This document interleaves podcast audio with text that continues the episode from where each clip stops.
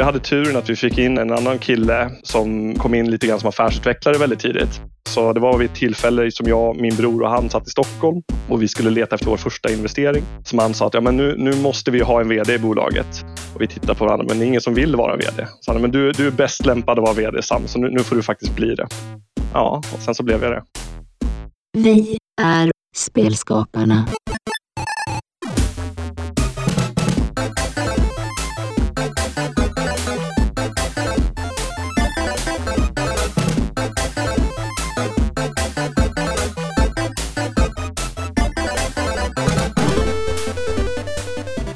Välkommen till Spelskaparna, podcasten om personerna bakom spelen. Och idag är det återigen Thomas som är ansvarig på East Sweden Game i Linköping som har spelat in dagens avsnitt. Välkommen Thomas! Tack så mycket, kul att vara här igen. Ja, och kan du berätta lite om vad avsnittet idag handlar om? Absolut. East Sweden Game är ju en mötesplats för alla spelutvecklare i Östergötland och vi har ju lokaler i Linköping. Och en av eh, företagen som hyr kontor hos oss på East Sweden Game är Lurkit. Och eh, de är väldigt spännande för de är lite av en doldis i spelbranschen men man kan säga att de hjälper spelföretag att eh, synas och höras och marknadsföras. Eh, så jag har intervjuat eh, deras VD Sam och det blev ett eh, väldigt intressant samtal tycker jag. Kul! Men då tar vi och lyssnar på det avsnittet. Tjenare! Hur är läget? Tjena Thomas! Det är bara bra. Hur är läget med dig? Jo, men det är bra tack. Lite kallt ute men eh, varmt här inne. Varmt i hjärtat. Jättekul att äntligen få göra den här eh, inspelningen nu. Eh, jag tänkte vi kunde börja med att du får berätta vem du är och vad du pysslar med om dagarna. Mitt namn är Sam då, ganska kreativ, driven, direkt person. Är tech-entreprenör som driver ett startup som hjälper spelutvecklare att komma i kontakt med sin målgrupp. Ni är ju ett av de eh, bolagen i spelbranschen som inte utvecklar egna spel, utan ni utvecklar verktyg för att underlätta för spelutvecklare och förläggare. Kan du berätta lite mer om eh, vad det är ni egentligen erbjuder? Man kan väl se det så att eh, alla vi i Lurkit är, är stora gamingfantaster på olika sätt. Vi är alltifrån före detta e-sportare till folk som har spelat spel hela sitt liv. Och vad vi gör är att vi bygger olika tekniska lösningar egentligen för att underlätta beslutsfattande och, och marknadsföring i sektorn. Då. Så ingen av oss har någon form av spelskaparbakgrund som så, men vi är ju stora fans av sektorn och har ju stor passion i det här. Så vi hjälper till lite grann med infrastrukturen runt omkring kan man säga. Och när startade ni företaget? Företaget startades när idén kläcktes. Det var 2015, början på 2016. Så då var det ju ett hobbyprojekt eh, som pågick kvällar och helger. Eh, sen har vi kört på fulltid sedan januari 2019. Så det är, det är två år som vi har kört på ordentligt då kan man säga. Och den tjänsten som ni erbjuder nu, ert liksom huvuderbjudande, var det det som ni eh, började utveckla redan från början eller har liksom tjänsten och erbjudandet utvecklats över tiden? Ja, men det har det väl gjort. Vi, vi har väl tagit lite olika vägar för att komma dit där vi är idag. Man kan säga att grundidén föddes i att vi såg att marknaden var väldigt fragmenterad vad gäller innehåll framför allt och då pratar vi nyheter, livestreams, videos, hitta information om spel eller om turneringar. Allt det här såg vi redan när vi började som att det var väldigt fragmenterat och utspritt. Så vi såg ju en stor möjlighet i att aggregera allt innehåll, samla all information Dels för vår egna skull faktiskt i början.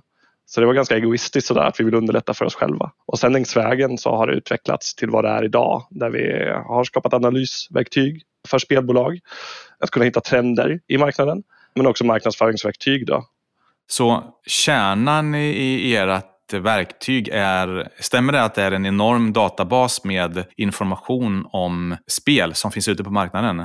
Ja, man kan säga att det är två delar. Man kan säga att den ena är vad vi kallar Lurkit Insights. Det är att vi monitorerar allting som sker på Twitch och Youtube och på alla de stora mediebolagen som skriver om, om spel. Så vi monitorerar alla livestreams var tionde minut till exempel, samlar all data vilket innebär att vi, vi vet alla tittartrender för spel och hela marknaden. Även hur många det är som streamar. Sen får vi in också i runda slängar runt 8-10 000 artiklar i veckan. Oj. 10 000 Youtube-videos i veckan. Så allt det här sen har vi egna algoritmer som placerar varje innehåll i rätt spelmapp. Så vi har en speldatabas på över 135 000 spel idag. Då. Det låter ju helt enormt. Det är mycket. Och, så det är den ena, ena aspekten vi gör, vi ger marknadsdata till sektorn. Den andra biten är egentligen att vi automatiserar influencer marketing. Så man kan se traditionellt idag så går mycket spelutvecklare eller utgivare, de går via agenturer idag för att kunna hitta rätt streamer eller youtuber som kan marknadsföra deras spel.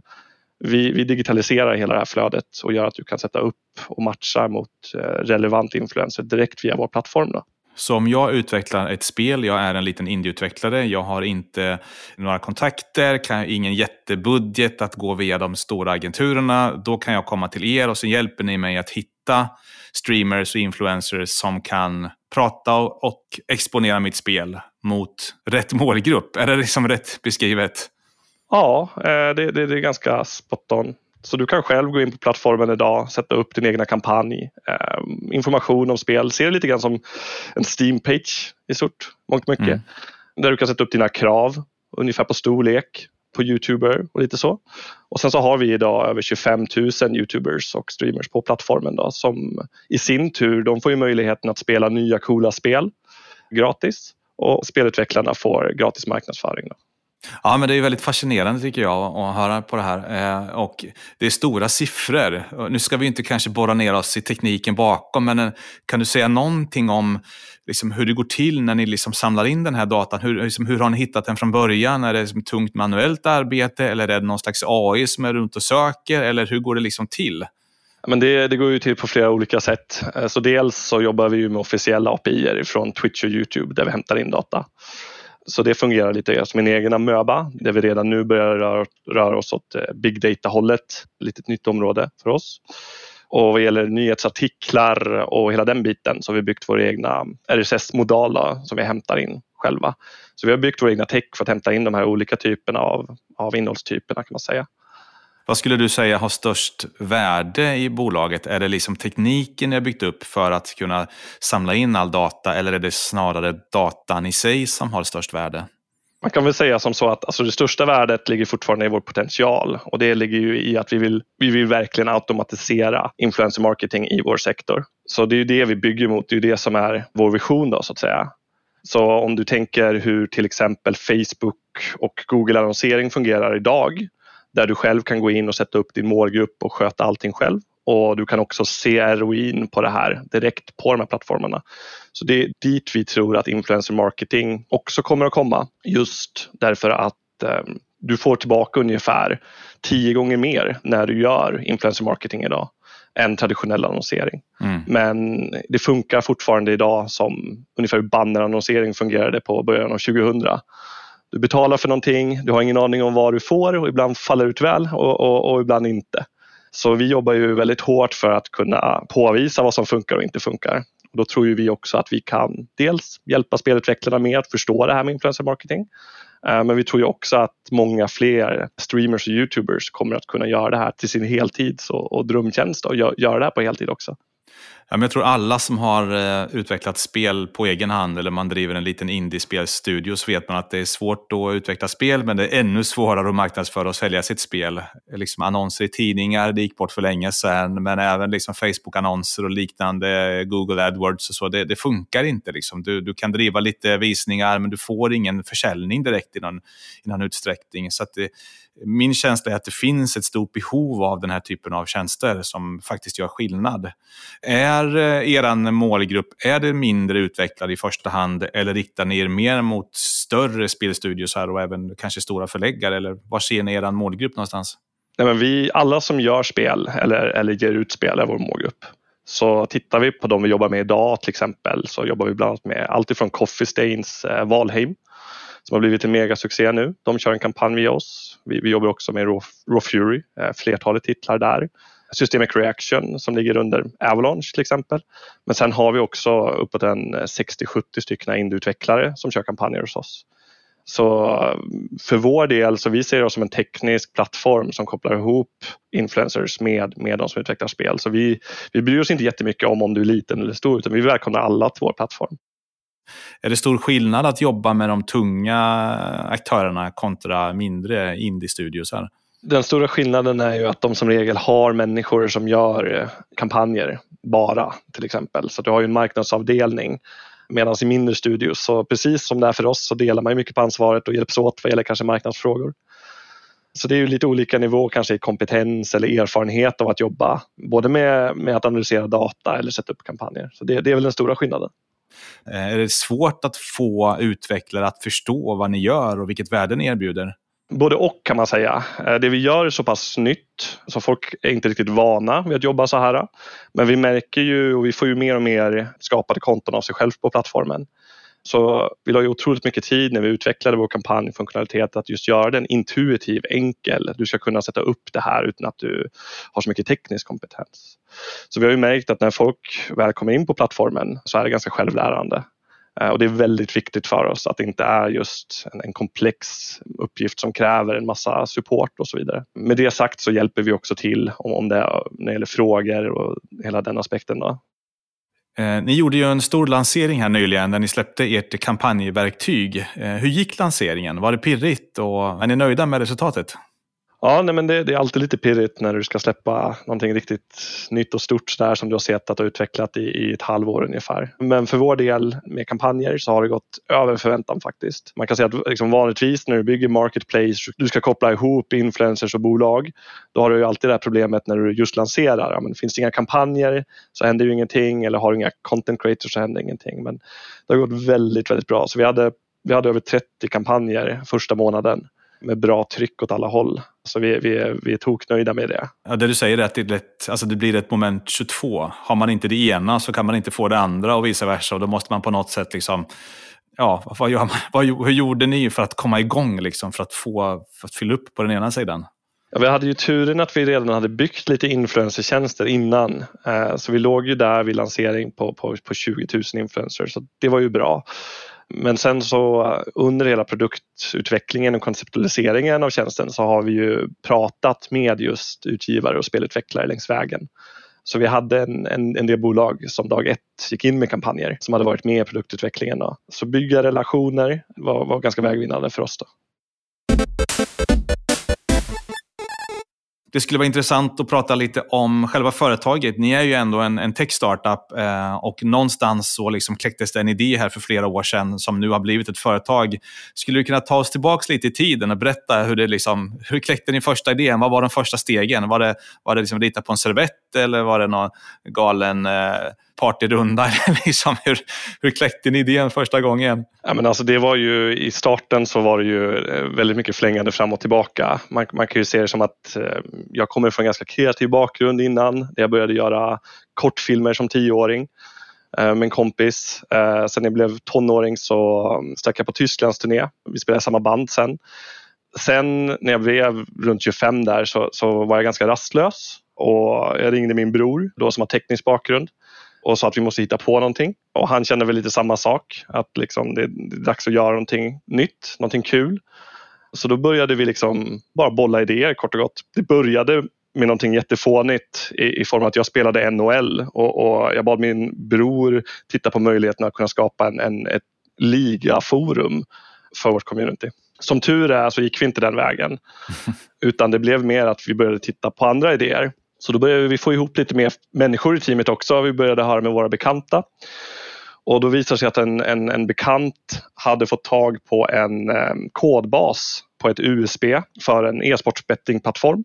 Det var något projekt som eh, några investerare hade stoppat x antal miljoner i. Eh, det flög inte och sen så hade han, han hade fått den här kodbasen rätt upp och ner. Mm. Så då tänkte vi, ja, men vi gör e-sportsbetting, här har vi plattformen. Så vi konceptualiserade det någon månad tills att vi insåg att det var bara halva kodbasen han hade fått. så så ja. allting var värdelöst i stort sett. Och, och, jag och min bror kände väl där också någonstans att ah, betting, vi kan ingenting om det, det kändes inte riktigt som vår grej. Så då började vi liksom spåna på det här, men vad kan vi göra med innehåll och, och hur ser det ut idag? Och det kommer bara komma mer och mer plattformar. Jaha, okej, okay, intressant. Samlar någon all data idag? Va? Nej. Så det, det, började ganska snabbt där efter det att spinna vidare på, på just att konsolidera och, och aggregera allt innehåll. På den vägen är det.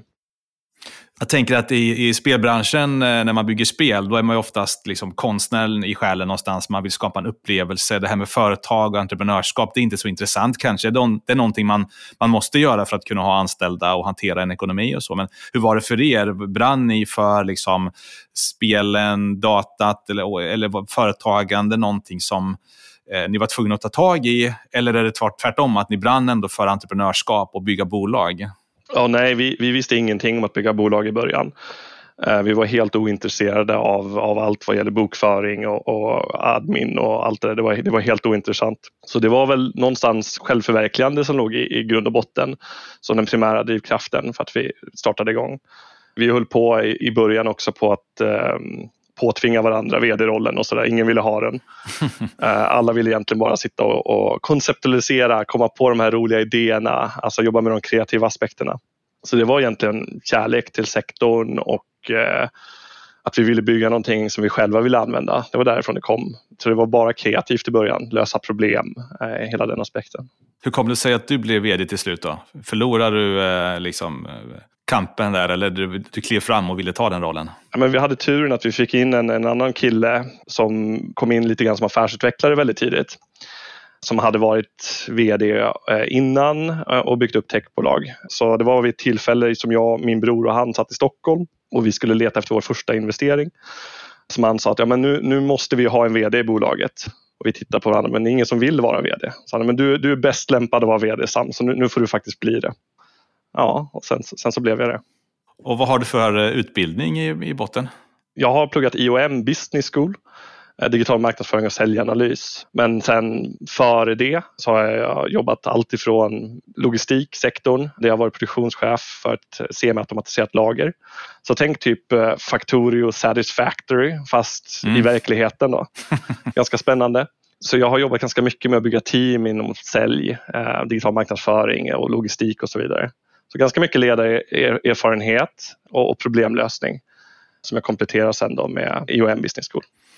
Det låter ju ändå som vd-rollen inte var helt eh, liksom slumpartad, att, att den kom mot, åt ditt håll. Eh, det låter som du har mycket relevant bakgrund, både arbetslivsmässigt och utbildningsmässigt. Och du nämnde eh, dig själv såklart, din bror Tom. Nu är ni ju ett större team, eh, jag kommer inte ihåg riktigt, vad är ni, 12-13 personer eller något sånt eller? Ja, vi, vi är 12 personer idag. Så vi är, vi är eh, sju utvecklare, otroligt duktiga utvecklare. Eh, och sen så har vi fem stycken som, där vi jobbar med allt ifrån marknad, sälj och produktutveckling, design och så vidare. Har ni även eh, dataanalytiker och, och liksom personer som gillar att peta i siffror och, och Excel-dokument? Ja, alltså vi, vi, har, vi har utvecklare som brinner väldigt mycket för det, som tur är. Och vi kommer också här nu vid samtal med en data scientist en riktig magiker som, som mm. förstår det här med big data. Som sagt, så det, det är inte vår styrka riktigt så vi, vi, vi håller på att ta in kompetens där som har gjort det och förstår hur man jobbar med det. Då. Och hur ser du på liksom, teamets eh, tillväxt framöver? Jag är lite nyfiken på eh, sammansättningen i teamet. Du sa sju tekniska utvecklare nu av tolv. Eh, när ni växer framöver, är det framförallt på teknik och utveckling ni växer eller är det mer på marknad, sälj eller kanske något helt nytt, då, dataanalys eller något annat? Alltså vi ska vara 24 personer när året är slut. Så vi ska ju mer än, än, än dubbla personalstyrkan här nu på ganska kort tid. Men rollerna vi kommer ta in är, är, det är väldigt blandat. Uh, ungefär hälften av dem kommer att jobba med, med support, uh, kommer att jobba med digital marknadsföring. Vi kommer att ta in folk som jobbar bara med kampanjer till exempel. Men sen så kommer det också vara eh, flertalet tekniska roller. Alltifrån data scientist, testare till folk som kan bara fokusera på drift och så vidare. Så vi letar kompetens överallt och för vår del också så um, om, man, om man är duktig, tycker det är kul att jobba med tech och, tror, uh, och gillar idén och, och vill bidra så är vi väldigt öppna för att ha samtal med alla som ansöker. Ja, men roligt att höra. Spelbranschen är ju en ganska tuff bransch att, ta sig in i. Det är mycket konkurrens och, och, uh, det är många som vill in i branschen. Och samtidigt är det många spelbolag som rekryterar. Hur ser du på det här med rekrytering? Har du några tips till den som vill söka jobb just hos er? Vad tittar ni på? Vad är viktigt? Vilka egenskaper är det som man bör lyfta fram hos sig själv? Ja, alltså det där, det där skiljer sig nog säkerligen från, från bolag till bolag. Vi har ju satsat väldigt mycket på vår kultur. Vi tror ju att det är extremt viktigt att man måste funka i bolaget som person framför allt. Så vi fokuserar väldigt mycket på personen. Hur kommer den här personen att kunna fungera i vårt team? Och sen så måste ju kompetensen också vara där. Men, men om man funkar i vår kultur så brukar det andra lösa sig även om man är lite mer junior. Så det, där lägger vi extremt mycket fokus. Och mm. Det har ju lett till det teamet vi har idag där vi har inte haft någon som har sagt upp sig hittills och vi har folk som verkligen allihopa brinner för produkten och alla kommer väldigt bra överens. Så vi, vi ser oss ju själva som ett team först och främst, inte individualister så. Så vi lägger stor vikt vid personliga brev till exempel. Eh, men framförallt när man träffas också. Då. Att man vill vara med på en resa och, och göra skillnad. Och apropå träffas, ni har ju kontor på East Sweden Game i Linköping. Eh, ni är ju den största hyresgästen där. Eh, vad är det, ni har tre rum på East Sweden Game. Ja, precis. Vi kommer att flytta ut snart. Ja, ni, är, ni är för stora. Ni får inte plats. Ja, det kommer att bli så nu. ja, ja, men det, är ju, ja, det blir ju tråkigt såklart att ni lämnar eh, vår fina miljö på East Sweden Game. Men samtidigt är det ju det som var tanken från början. Att bolag kan växa och eh, flyga iväg på egna vingar. Hitta stora lokaler som passar. Eh, men hur hamnar ni i Linköping av alla ställen? Nej, men det blev så att när vi, när vi fick in vår första runda där och skulle börja jobba i januari 2019, då, då jag bodde i Göteborg, min bror bodde i Bålänge och sen hade vi två utvecklare som redan var här i Linköping. Så vi såg det som, det var dels så enklare att hitta bostad och vi, vi kollade upp och såg också att med, med Mjärdevi och hela det här området så fanns det väldigt mycket utvecklare här. Så nära till Stockholm, det fanns flera fördelar som vi såg det. Så då, då tog vi vårt pick och pack och drog jag och brorsan. Ja, det var inte svårare än så egentligen. Ja, men det är väldigt roligt att ha er eh, på plats i Linköping och på East Sweden Game såklart.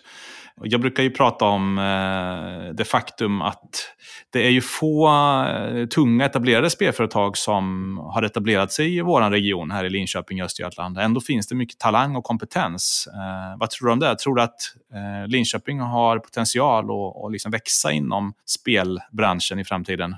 100 procent. Alltså som vi, som vi pratade om förut så det är en av Sveriges största techhubbar. Du har de största arbetsuppgivarna där som är Saab och Ericsson.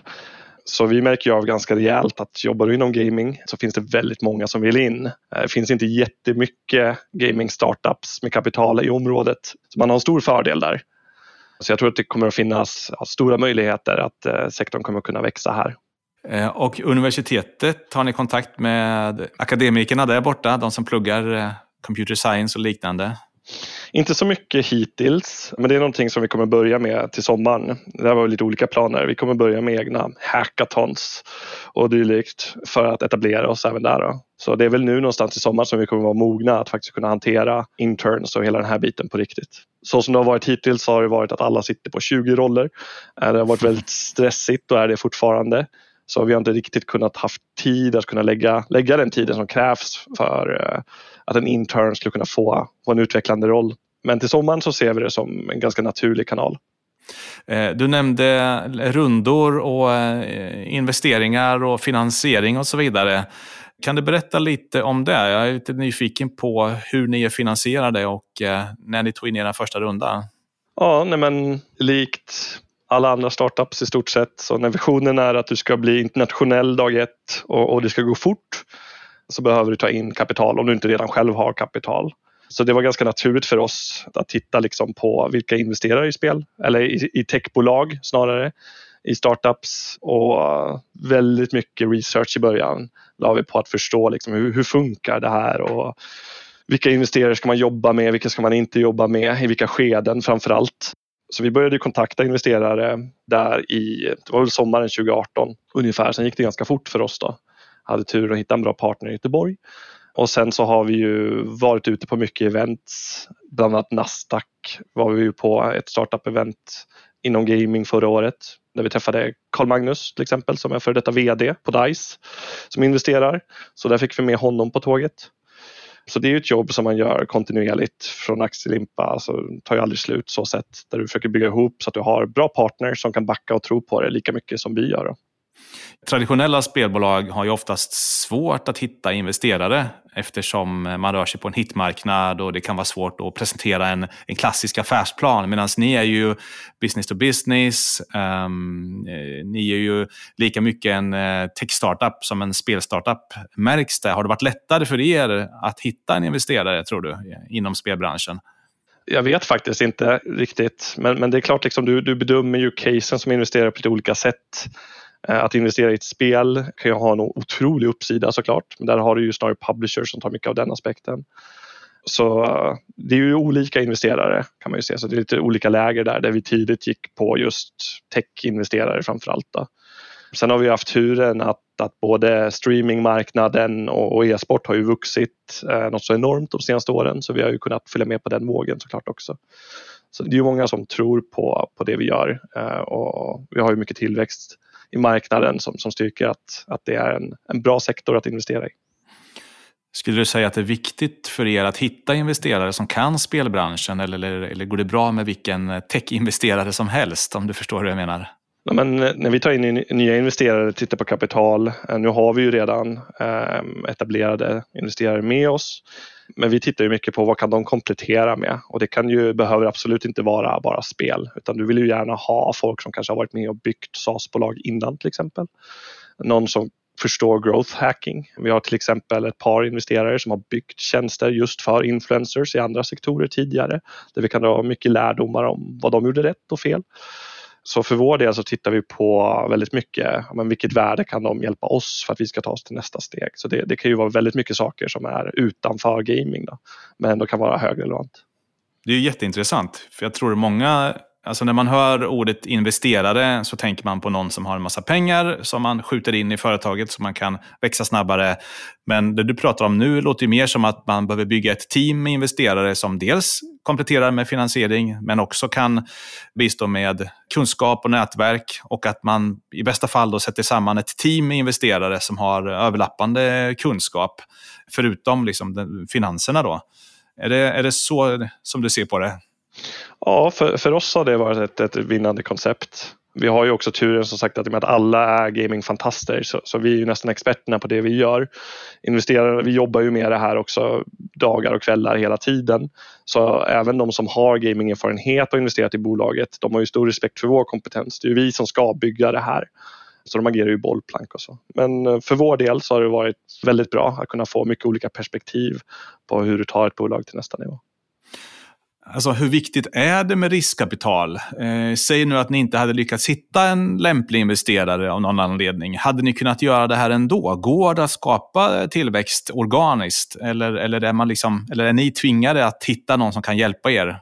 För vår del kan man säga att innan vi fick in kapital då pluggade jag på heltid, jobbade på deltid och sen tog jag alla mina pengar och stoppade in i, i Lurkit. Så det, eh, min bror hade ett litet barn och jobbade på heltid och stoppade in sina pengar i Lurkit.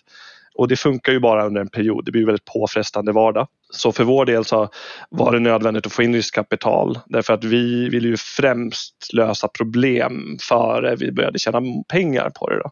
Mm. Och då är det totalt nödvändigt. Vi hade kanske klarat av att hålla ut ett halvår, nio månader till, sen hade vi nog blivit utbrända. Så för vår del så väldigt nödvändigt. Samma sak så har du möjligheten att kunna bootstrappa som det kallas, att använda egna pengar. Så du ska ju göra det så, så länge det bara går. Det är bara bra för bolaget. Så men varierar lite från projekt till projekt såklart. Men vi var inte fokuserade. För oss så visste vi att vi skulle bygga produkter i två år innan vi skulle börja bygga våra affärsmodeller. Mm. Det hade inte gått med, med 11 personer med, med massa seniora människor eh, utan riskkapital. Jobbar ni eh, bara med svenska investerare eller har ni även internationella aktörer ombord? Vi har eh, huvudsakligen svenska investerare idag eh, där vi har en investerare som representerar ett nätverk som investerar internationellt och håller till i USA. Och I dagsläget så pratar vi med investerare på internationell nivå. Vi var också inne tidigare på din roll som vd i företaget. Det var en liten eh, påtvingad roll som ändå visade sig vara väldigt eh, bra och framgångsrik eh, så långt för bolaget. Jag tänker också i takt med att bolaget växer, man får in investerare, så höjs liksom kraven på att driva företaget. Jag tänker på styrelsearbete, ägararbete och hur, hur, funkar det i praktiken? Klarar man av det eh, liksom som självlärd eller måste man liksom hela tiden också lägga mycket tid på att plugga in hur man jobbar med styrelse och ägare och så? Eller hur har det funkat för er eller för dig?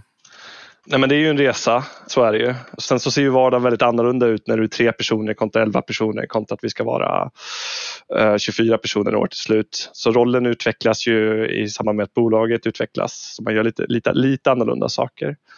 Men man gör ju väldigt mycket olika saker. Så man måste ju vara en person som gillar att eh, både jobba med ekonomi och, och, och produktutveckling till, till marknadsföring, till att bygga team och så vidare. Så dels så måste du ju ha ett eget intresse att vilja utvecklas såklart. Och sen så är det ju jättestor vikt skulle jag säga att ha bra mentorer runt omkring som du kan bolla med som kanske har gjort resan en, en eller två gånger innan. Mm. Men jag skulle vilja säga att framförallt så handlar det om att bryta ner problem. Som vd-roll i techbolag så står du oftast inför väldigt mycket beslutsfattande ibland. Och det kan röra allt, alla olika områden i bolaget. Så du måste klara av att bryta ner problem och göra dem lite enklare. Så att jag brukar se det som att min primära roll är att framförallt se till så att alla andra i bolaget har de resurser de behöver för att kunna göra ett bra jobb. Och mitt jobb nu till exempel kommer att vara väldigt mycket att eh, jobba med vision, sätta långsiktig strategi för hur vi ska kunna uppnå det här. Fortsätta bygga bra team och kapitalanskaffning. Så man kan säga att det är de fyra områdena som jag lägger mest fokus på idag. Då. Å ena sidan är ju vd-rollen väldigt definierad. Å andra sidan så är det väl också så att vd-rollen är också någon slags vad ska man säga, uppsamling för allting som ingen annan har ansvar för. Det som liksom in, inte ingår i någon eh, rollbeskrivning hamnar oftast hos vdn, då, i alla fall när det är lite mer komplexa problem. Stämmer det? Och får du lägga mycket tid på att liksom släcka bränder och lösa problem och fixa strul och sådär? i starten så var det väldigt mycket så. Nu försöker jag mer förstå liksom vem, vem är jag i det här samtalet? Är jag ett bollplank här eller ska jag fatta beslut här? Så det är väldigt annorlunda beroende på vad det är. Men, men så är det ju. När det gäller stora tekniska beslut som kan få stora konsekvenser så måste det gå via, via mig och min bror till exempel. Du nämnde vision. När man bedriver en verksamhet så är det viktigt att ha en vision, att man har någonting att jobba mot och att liksom hela personalen kan samlas mot en enad bild, tänker jag. Tycker du att det är lätt eller svårt att sätta en vision? För jag tänker, å ena sidan kan man bara säga att vi ska bli störst i världen och bäst på det vi gör. Klart. Eller så kan man liksom göra en mycket mer sofistikerad vision. Hur ser du på det? Eh, har ni en vision idag på Lurkit? Absolut. Man kan säga liksom att det där är ingenting du sätter en gång och sen är du klar utan du jobbar kontinuerligt med det hela tiden, visionsarbete. Så, så, det finns en hel del processer man kan jobba runt omkring för att bli bättre på det där. Och det är någonting som jag var ganska dålig på tidigare men som jag nu börjar hitta mer och mer en form kring. Man kan väl säga att liksom en vision ska ju inte vara nåbar. Det är liksom en poäng med det. Så det ska ju vara någonting du strävar emot. Och um, när du börjar närma dig då måste du liksom sätta mål, alltså ribban högre kan man säga, med vad är det du vill uppnå. Men det gäller ju att hitta sina varför på riktigt om du ska kunna få ihop alla för att jobba mot samma mål. Så för vår del just nu så är ju vår vision, det är bättre spel. Som vi sedan har brutit ner till att ja, men om vi kan ge spelutvecklare mer dataunderlag och marknadskanaler eh, för att kunna nå ut så tror vi liksom att ja, men det kommer att leda till bättre upplevelser för innehållsskapare som streamar generera bättre underhållning för konsumenterna som sedan köper mer spel för att det är roligare. Så vi ser ju oss själva att vi vill ju evolvera hela, hela sektorn. Så sätt. Vi vill liksom titta på visionen mycket också när vi produktutvecklar och hur uppnår vi vår vision genom att vi gör det här. Mm. Så vi vill ju verkligen att allting vi sitter med på dagarna ska vara kopplat till det på ett eller annat sätt. Så att vi har framförallt högt fokus på att vi gör rätt saker. Eh, om vi ska ta, eh, liksom, titta i andra änden av, av spektrat, om vi går ner på något väldigt praktiskt. Hur ser en typisk arbetsdag ut för dig? Jag kan tänka mig att du ramlar in vid halv tolv så där efter att ha varit ute och festat med investerarna hela natten, varit på någon mässa kanske, rest runt i världen, eh, vänder på lite papper, chefar lite grann, skäller ut någon. Eller hur, hur ser det ut? Är, är det så? Ja, men det är ungefär så det är. ja. och, sen går, och sen går jag hem där ungefär vid, vid halv två-tiden. Nej, Ja, nej men alltså en typisk arbetsdag. Alltså man, man, man gör ju eh, väldigt mycket olika saker nästan varje dag. Så man kan säga att just nu så, så sitter jag och pratar med investerare, jag pratar med kunder. Jag är mitt uppe i att jag håller på och konceptualiserar en hel del kring produkt, både på kort och lång sikt. Vi har precis också kommit igång ganska mycket med våra marknadsföringskampanjer så det hjälper jag de som är ansvariga där som bollplank.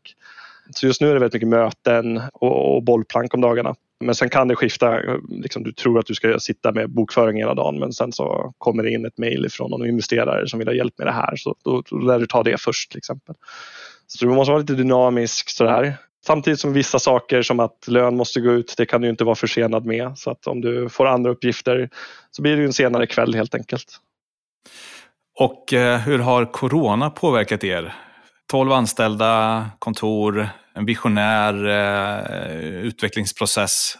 Har det varit utmanande eller?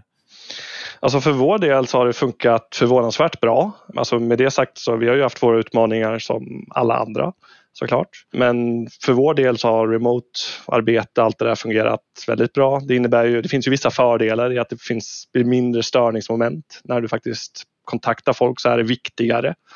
Så i vissa avseenden så märker vi av att produktiviteten ökar. Det vi saknar som sagt och så, det är med att vi är ett tight team. Det är just saker som att faktiskt kunna träffa och ta en kaffe upp. Så vi har våra utvecklare här tog saken i egna händer här förra veckan och har satt upp nu så att vi har en Discord-fika klockan tre varje dag till exempel. Trevligt. Ja, men det är trevligt. Du nämnde ju tidigare hur viktig kulturen är eh, i ert bolag och jag misstänker i alla startups att man har en gemensam kultur, gemensamma värderingar och, och även den här visionen då som alla jobbar emot. Och att, ja, min känsla är att det kan vara svårt att upprätthålla kulturen, att det kanske driftar eller drar iväg lite grann eller så när folk inte ses och där man som chef och ledare inte heller har de här små naturliga avstämningarna i det dagliga. Eh, tycker du att det har varit en utmaning eller, eller har det funkat bra ändå? Nej, men det har funkat bra. Alltså för det, du, du går ju in på det, kultur och liksom en del av vår kultur, eh, en grundsten av det är tillit till exempel. Så vi är ju inget bolag som håller på och monitorerar människor eller vi, har en ganska prestigelös attityd oavsett vilken roll du har i bolaget. Mm. Och vi har ju våra dagliga stand-ups där vi går igenom hur allting går eh, och allting så. Så vi har ju kontakt på daglig basis med alla såklart. Med våra deadlines som vi sätter själva och så vidare. Så att eh, i och med att alla är så pass kritiska som de är i sina roller idag och är direkt liksom en del av att vi, vi, vi uppnår nästa delmål så är det väldigt enkelt för folk att vara självmotiverande och köra på. Men det ska bli väldigt skönt när, när den här pandemin är över så man kan börja träffas lite mer igen. Ja, verkligen.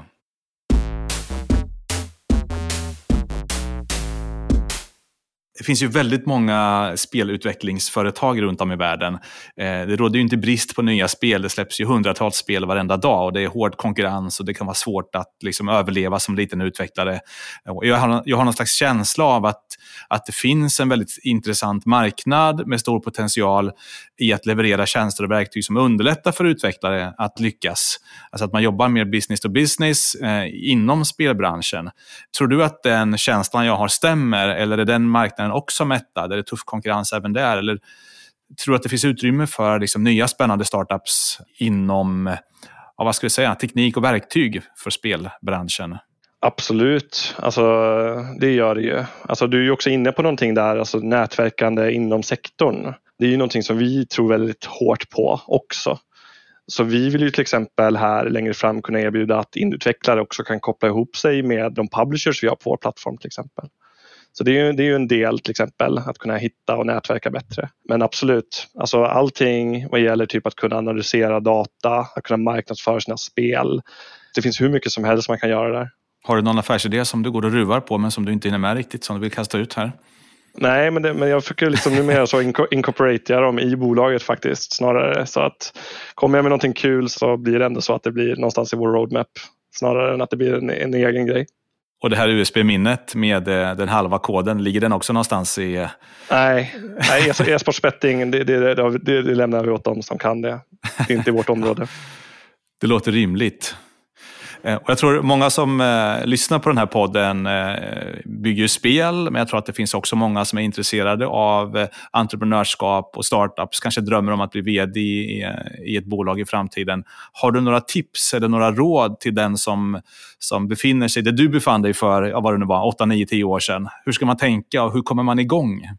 Ja, alltså det, först, först, och främst så tror jag inte man ska sikta in sig på någon roll så. Det, det, det, är nog ganska osunt utan du måste vara besatt av att du vill lösa något problem.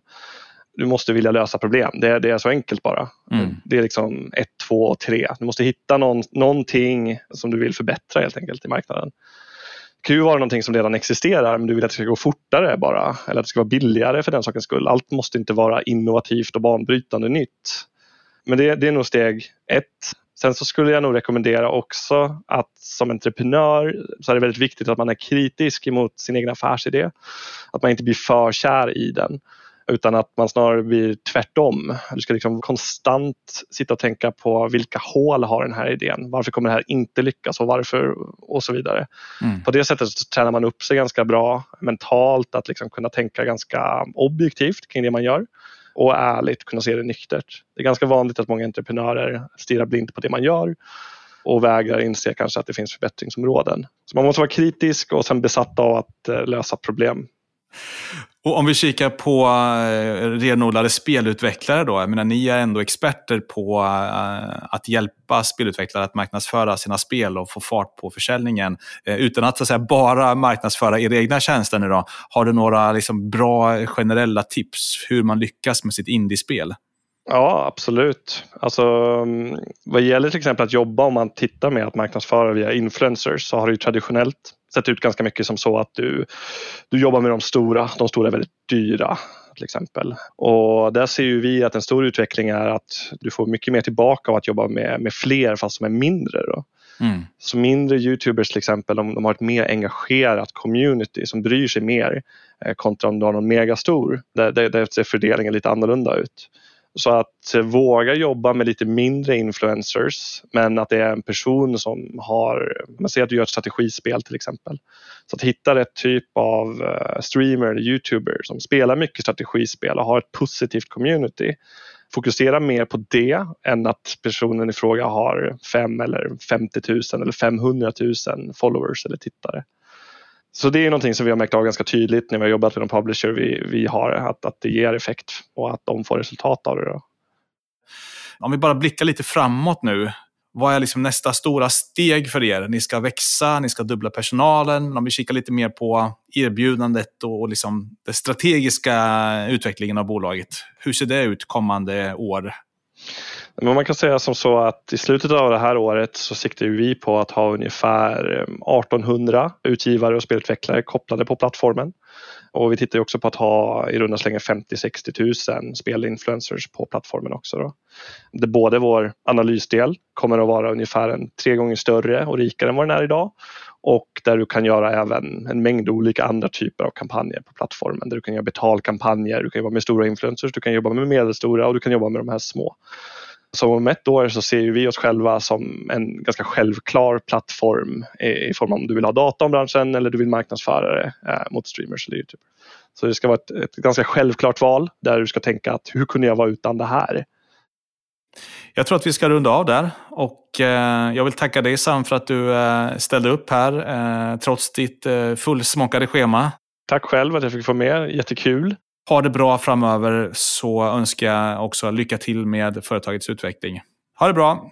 Hej då!